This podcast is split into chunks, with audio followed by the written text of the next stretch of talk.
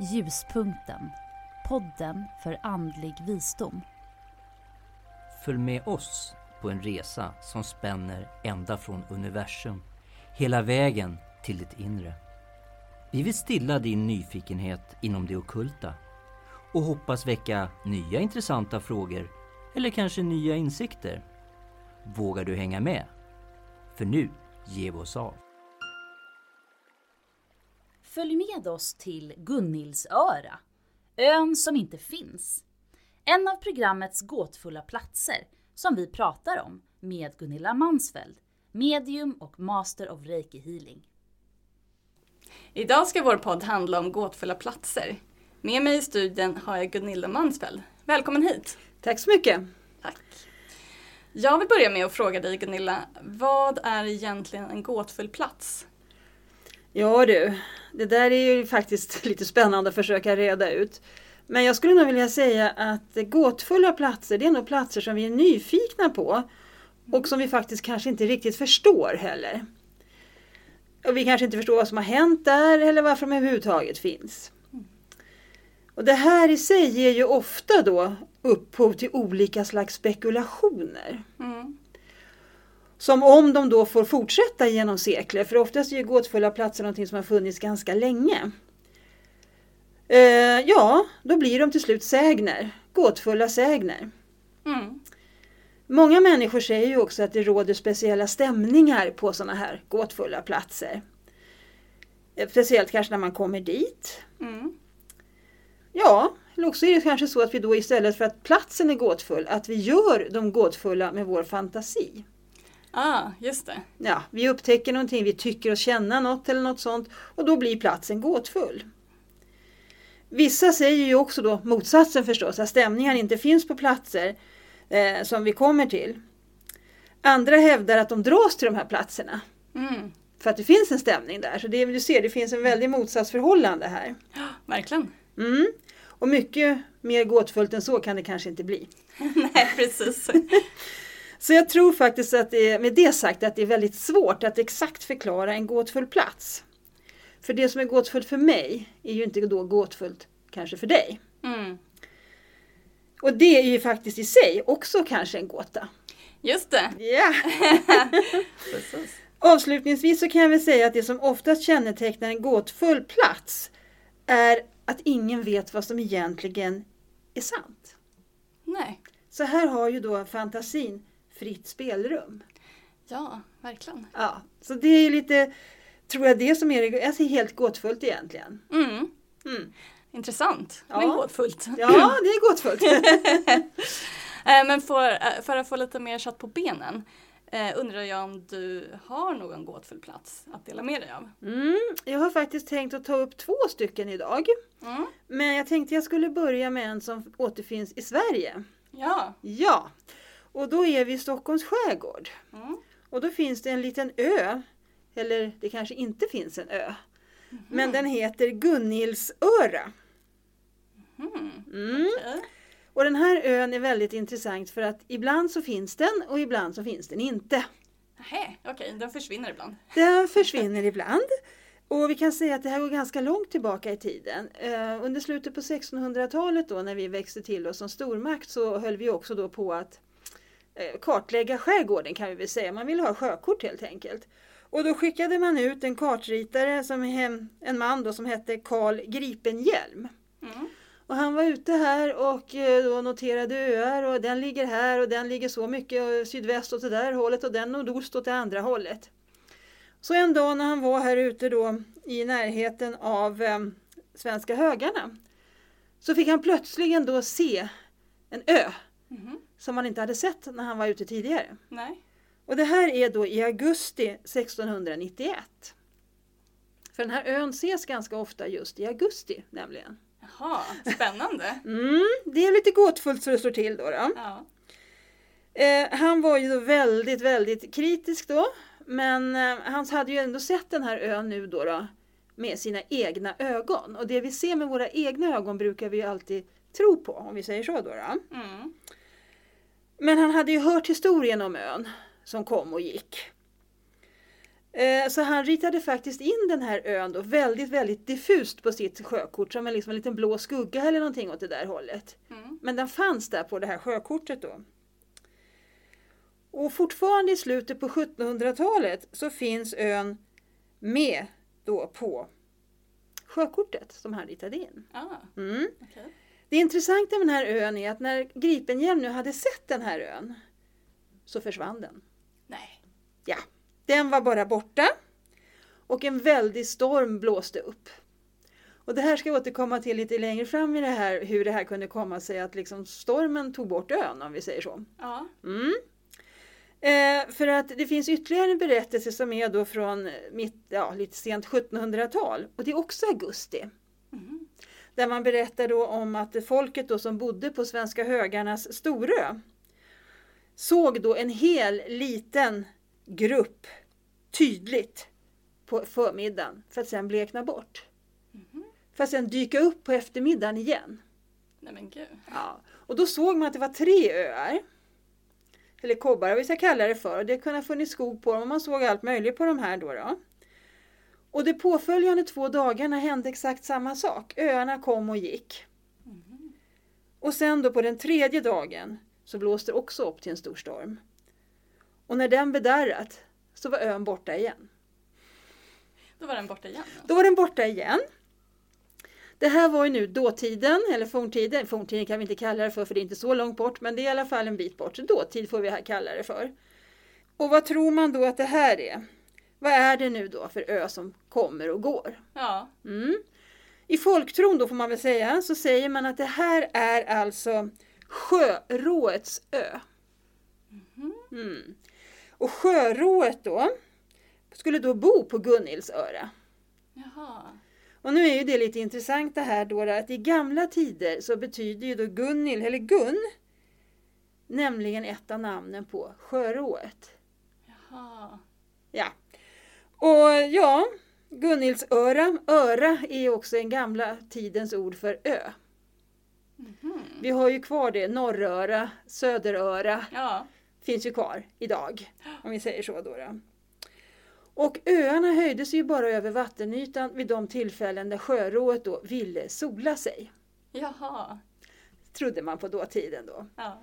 Dessutom så var det viktigt att man så att säga eh, offrade lite grann här av sin last när man passerade här så att hon inte skulle skjuta upp öarna som man gick på grund. Mm, just det, för det blir ju farligt. Det blir farligt.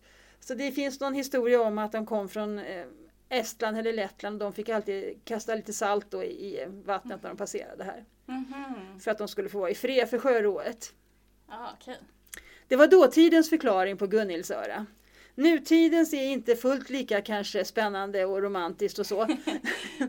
Utan här pratar man egentligen om att det är ett typ av väderfenomen som gör att de här öarna syns. Okej. Och det här för den som vill fördjupa sig så finns det en, en man som heter Sten Rinaldo som har skrivit en bok som heter Till utskären om det här som går in väldigt mycket på det här om vi säger så då. då. Det innebär det här vädret att det ska vara helt kavlugnt, Mm. stilla väder och det är ju inte så ofta på Östersjön det är helt stilla. Jag har varit ute några gånger och det har faktiskt varit det men det tillhör ju inte de vanligaste väderförhållandena, så kan vi väl säga. Stilla hav med blank vattenyta. Sen bekrävs det också en viss typ av luftlager ovanför havet då. då Mm.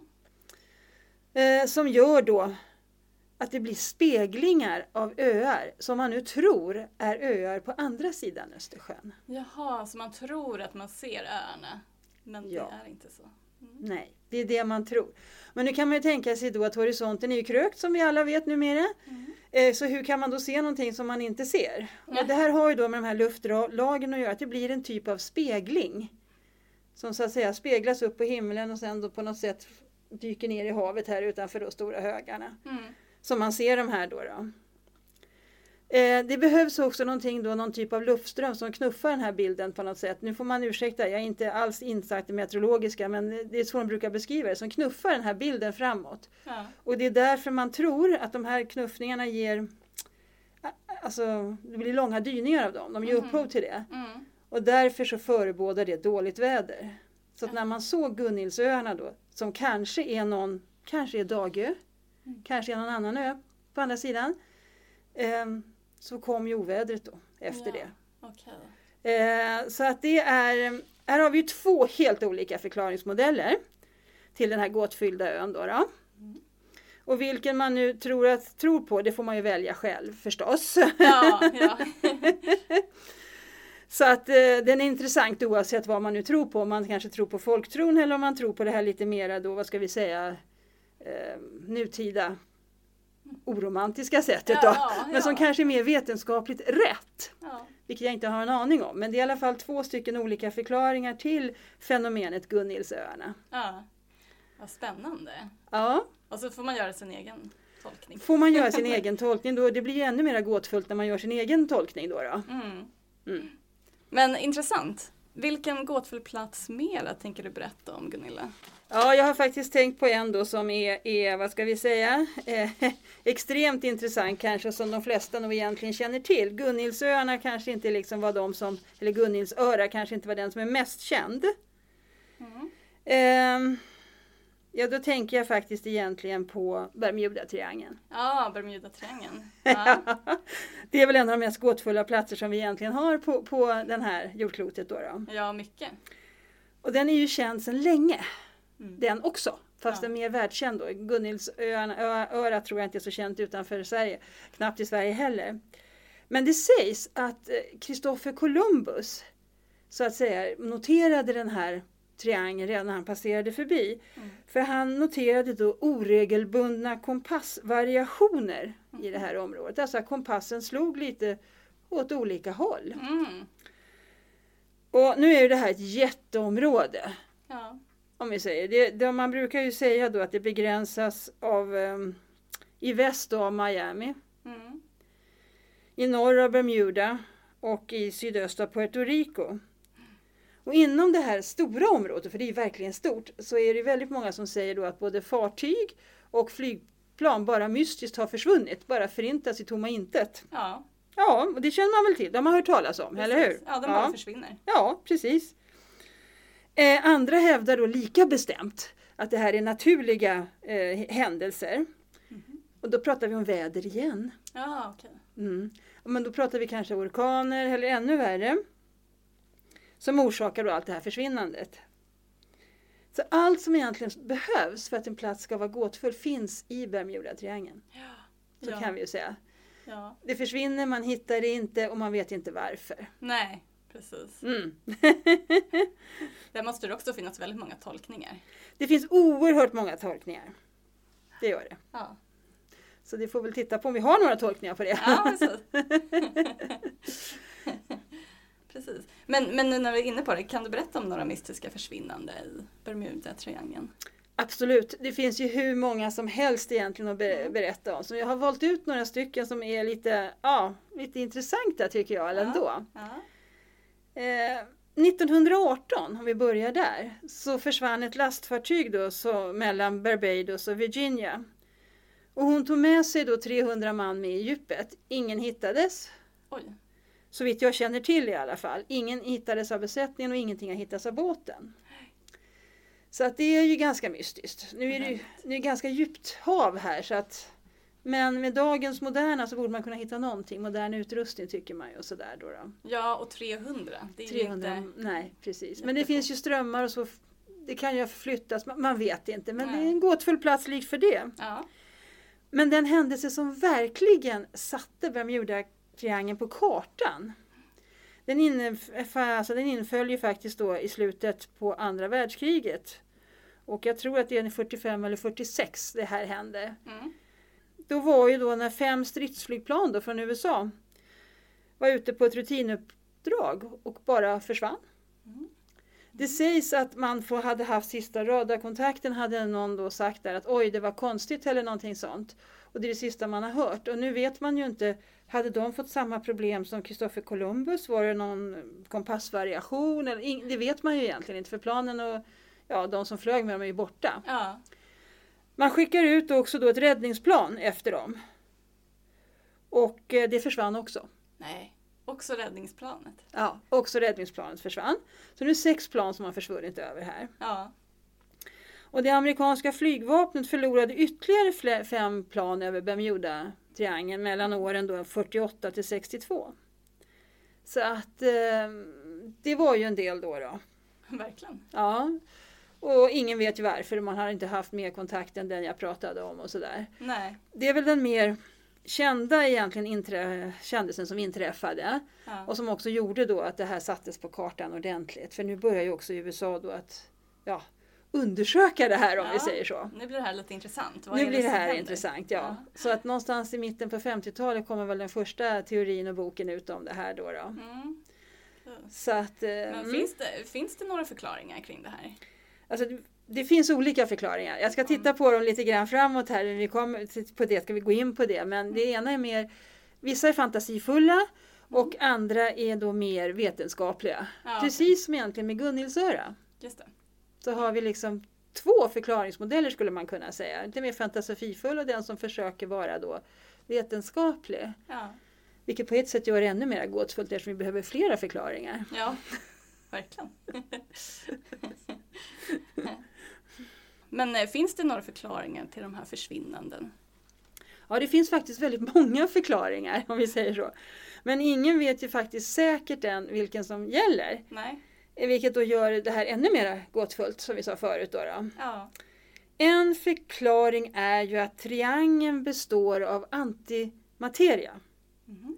Och då likt universums supernovor suger in båtar och flygplan, för de består ju av materia, i någon typ av då svart hål. ja, svart hål har man Ja, hört talas om. Ja. precis då som i universum då, då. Och då ska de bara upplösas tror man och försvinna. Det är en av förklaringarna. Men det vet man ju inte, men det är en då. då. Mm. Och andra säger ytterligare att det här är en av portarna som finns i, i våran värld till andra världar. Jaha, okej. Så att liksom om man dyker ner här och så träffar man på här så åker man upp i någon annan värld då. då Ja, är en förklaring. Eh, Och det kan ju vara så, det vet jag inte. Den mest omtalade teorin är väl dock att det skulle finnas utomjordingar här. ja okej. Mm. Och att alla som rör sig här då i det här området på något sätt blir kidnappade av de här utomjordingarna då. då. Mhm. Eh, och ja, mm, om de då försvinner till andra världar eller vad som händer om de det vet man väl inte riktigt. Nej, Eller om de hölls fängslade på, på havsbotten eller någonting sånt. Men det är en väldigt omtalad teori. just det. Så det är också en av teorierna. Det är en av teorierna, precis. Va? Men det som då forskarna har kommit fram till på senare tid, det är ju då som den här, eh, vad ska vi kalla det för, elektronisk dimma som man kallar det för. Jaha, elektronisk dimma. Ja, precis. Och jag vet inte riktigt vad en elektronisk dimma är, men Nej. det måste ju vara någon väldigt stark energi som finns i sådana fall, för den slår ju då ut då all e- elektronisk utrustning i området. Mm. Och experiment då, som självklart har gjorts av, eh, av USA visar ju på att den här dimman faktiskt existerar i området. Mm.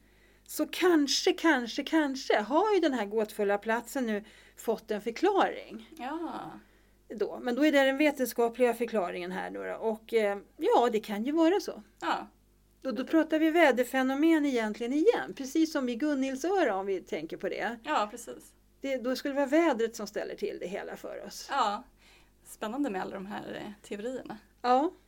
Varför de försvinner? Ja, alltså om det är elekt- vad ska jag säga, elektroniskt eh, dimma som slår ut utrustningen då kan man ju tänka sig att flygplan i alla fall störtar. Ja, precis. Och då störtar de ner i hålet antar jag. Eller Bermuda-triangel. Ja, antagligen. Och en annan teori är ju då liksom att det inte är så många som har kanske har störtat i själva triangeln fast området är gigantiskt. Utan att det är andra ställen de har störtat på då. då. Men, men alltså återigen, det är det här gåtfulla att man inte vet liksom. Men Nej. försvinnandena är ju de som kanske är mest spektakulära. Verkligen. Och det är svårt att, att få helt rätt sida om det. Absolut, det är jättesvårt. Nu, nu kanske man, om den här elektroniska dimman, skulle kunna vara en förklaring till att det händer. Mm, mm. Det skulle ju kunna vara en sak, men vi har ju fortfarande ingen förklaring på hur, var de försvinner. Nej, precis. Och de kan vi inte fråga. De kan vi inte fråga. Nej, precis. Liksom, så här, så att det, mm. Men det är kanske, kanske en liten förklaring, men det törs jag inte säga. Men det är intressant i alla fall. Nej, precis. Och det kanske är flera förklaringar. Vem vet? Vem vet? Vem vet? Men, men det är ändå intressant och kanske lite tråkigt då, då om det skulle vara dimman som spelar oss ett spratt här. Ja, det kan jag väl hålla med om då. Kanske, kanske lite, vad ska vi säga, det är kanske lite häftigare om det skulle vara andra förklaringar. Men eh, ofta så är det ju faktiskt så, så länge jag håller på, att de mest naturliga förklaringarna är oftast egentligen de som gäller tyvärr. Ja, ja. Så att utomjordingar sitter där inne och suger ner allting. Det kanske inte liksom... Nej. Men som sagt var, vi vet inte. Nej, Nej. precis. Vi vet inte. Eh, men nu när vi är inne på, också på gåtfulla platser. Hur känns det att vara på en gåtfull plats? Ja, det här tror jag är ganska individuellt faktiskt, hur det Mm. känns. På vissa platser kan man kanske känna då historiens vingslag om man tänker sig att man kanske ställer sig någonstans. Ja, vi kan gå, du kan gå in på en gåtfull plats som kanske inte är så gåtfull men på Vasaskeppets museum där du kanske du kan känna historiens vingslag. Det kanske kan vara gåtfullt. Ja. Och se att här hade de kanoner, så här bodde de. Kanske vissa tycker det är gåtfullt. Mm. Och på andra platser så kanske man inte känner någonting alls som alla människor andra tycker är gåtfulla. Mm. Så jag tror att det är väldigt individuellt här hur du liksom, ja, känner och vad du känner. Ja. För här är det ju också, som vi var inne på i något program tidigare, viktigt att inte blanda ihop gåtfulla och energifyllda platser. ja, precis. Och de kan ju faktiskt ibland sammanfalla. Ja. Och då känns det naturligtvis annorlunda. Om man har någonting sånt också. Men, men om man bara håller sig till gåtfulla platser så, så var det någon som sa till mig att en plats blir inte gåtfull förrän du kommer dit. Mhm. Ja. Om du kommer till någonting som du inte förstår, ja, då blir platsen gåtfull. just det. Om du, den första som kanske klev in på en gammal vikingarnas gamla tingsplats och som kanske inte visste att det var tingsplatser, kanske tyckte så jättekonstigt ut med alla stenar som var där. Mm, precis. Och då blir det gåtfullt i sig. Och så att om kanske tusen år så är inte Bermuda-triangeln så gåtfull längre. Nej, och om man, om man tänker sig att de, de som lever tusen år framåt, och de kanske tycker att vi var fruktansvärt gåtfulla. Ja, precis. Som satt här med våra telefoner eller någonting sånt Mm. där. Alltså det, det, så det, det kan också vara en, en sån sak. Va? Jag tror mycket att det vi inte kan få grepp om, det vi inte kan förstå, det är gåtfullt. Mm, precis, det som vi inte har en tydlig förklaring på. Exakt, exakt. Och då är skillnaden det mot en energifylld plats. Mm. För energin finns ju på platsen och du kan känna den. Ja. Men på sitt sätt så är ju en osynlig energi också gåtfull. ja, verkligen. Så om du både då ramlar in på en gåtfull och en energifylld plats så blir det ju dubbelt upp. Ja, verkligen. Om vi säger så. så att det, ja, det är mycket som är intressant i det här. Ja, men eh, då så. Då... Jag, jag tänkte jag hade lite så kan jag lägga till så här i efterhand. Så här, ja. Mm. En, och en gåtfull plats sätter ju oftast fantasin i rörelse. Ja, Det är ju det. Du kan ju börja på att fundera, "Ha, vad gjorde de på den här stenen och hade de den här till och vad gjorde de här borta? Mm. Eh, det intressanta egentligen med gåtfulla platser är ju att de en gång i tiden var helt naturliga som vi var inne på. mm. För dem som levde då. ja, Om du tänker de som levde här där vi befinner oss nu för kanske 1200 år sedan, för dem var det inget konstigt med en tingsplats. nej. För dem var det inget konstigt att ty- tyda en runsten. Det, det var liksom helt naturligt va? Ja, För de visste exakt vad de skulle användas till. Ja. Det är ju det som är skillnaden egentligen. Va? Så jag tror att saker och händelser blir gåtfulla med tiden. ja, precis. Och då som du säger också med fantasin, att det sätter fart. Ja, men energin kan ju, fan, en energi kan ju stanna kvar på en plats hur länge som helst egentligen om den vill. Mm. Mm. Just det. Som, Precis. som man känner långt efteråt. Som man kan känna väldigt långt efter oss. Så vi, vi pratade lite grann om som om de hittar någon mobiltelefon efter oss. Om 500 år kanske de undrar vad hela friden höll vi på med med den här för någonting. Vad är det för liten löjlig sak de har här? Och så sätter fantasin igång. Ja, Vad precis. använder de här till? Exakt, vad? Ja, precis. Sen kanske det är så att det inte blir så mycket kvar efter oss på olika sätt. Mm. För tidigare, tidigare så att säga folk har kanske lämnat mer efter sig ibland. Mm. Tänker på stenristningar, tänker på runristningar och alla sådana här saker. Ja. Och böcker också, men om vi inte skriver böcker längre. Mm. Det du skriver på telefonen lämnas inte kvar någonstans på det sättet. Eller det du skriver på datorn. Mm. Så det är mycket som det vi vet idag, om det vi har pratat om idag, kanske Gun- Gunnilsöra och sådana saker. Det är ju sådana texter kan man säga som folk har lämnat efter sig. Ja, det är det ju verkligen. Mm. Och då kan man ju tänka på, blir någonting gåtfullt efter oss? För lämnar vi kvar någonting som är gåtfullt? Det blir det. För den som hittar det. Ja, om det finns någonting att hitta då. Ja, Har vi skrivit någonting? Finns det någonting sparat på det sättet? ja. Intressant. För det, det är ju verkligen så. Mm. Sen kan man ju tänka sig att ljudfiler kanske finns kvar och sådana här saker men kommer de ha samma utrustning som vi? Kan de lyssna på dem? Nej, nej precis. Så är det. Så tar det några hundra år för dem att fundera på vad är det här för något. Det tog ju ganska lång tid för oss att klura ut andra, andra civilisationers eh, eh, skrivspråk. Ja, just det. Så då under den tiden var de ju gåtfulla. Förstås. Under den tiden var de gåtfulla. Frågan är om vi har samma, lika lång tid att lista ut det här på de som kommer efter oss eller inte. Det är väl nästa gåta. Ja, precis. det blir nästa gåta. Eh, tack så mycket Gunilla för att eh, du försökte göra de här gåtfulla platserna lite mindre gåtfulla idag. Tack. Har det dykt upp funderingar efter denna podd? Eller har ni några ämnen som ni vill att vi ska ta upp här? Så är ni välkomna att höra av er till oss via vår Facebook-sida Ljuspunkten podd. Vi erbjuder Reiki Healing-behandlingar i Stockholm. Vi har också kurser inom det andliga området. Läs mer om detta på våra respektive hemsidor som du når via vår Facebook-sida Ljuspunkten podd. Välkommen till Caroline, Dan, Fredrika och Gunilla.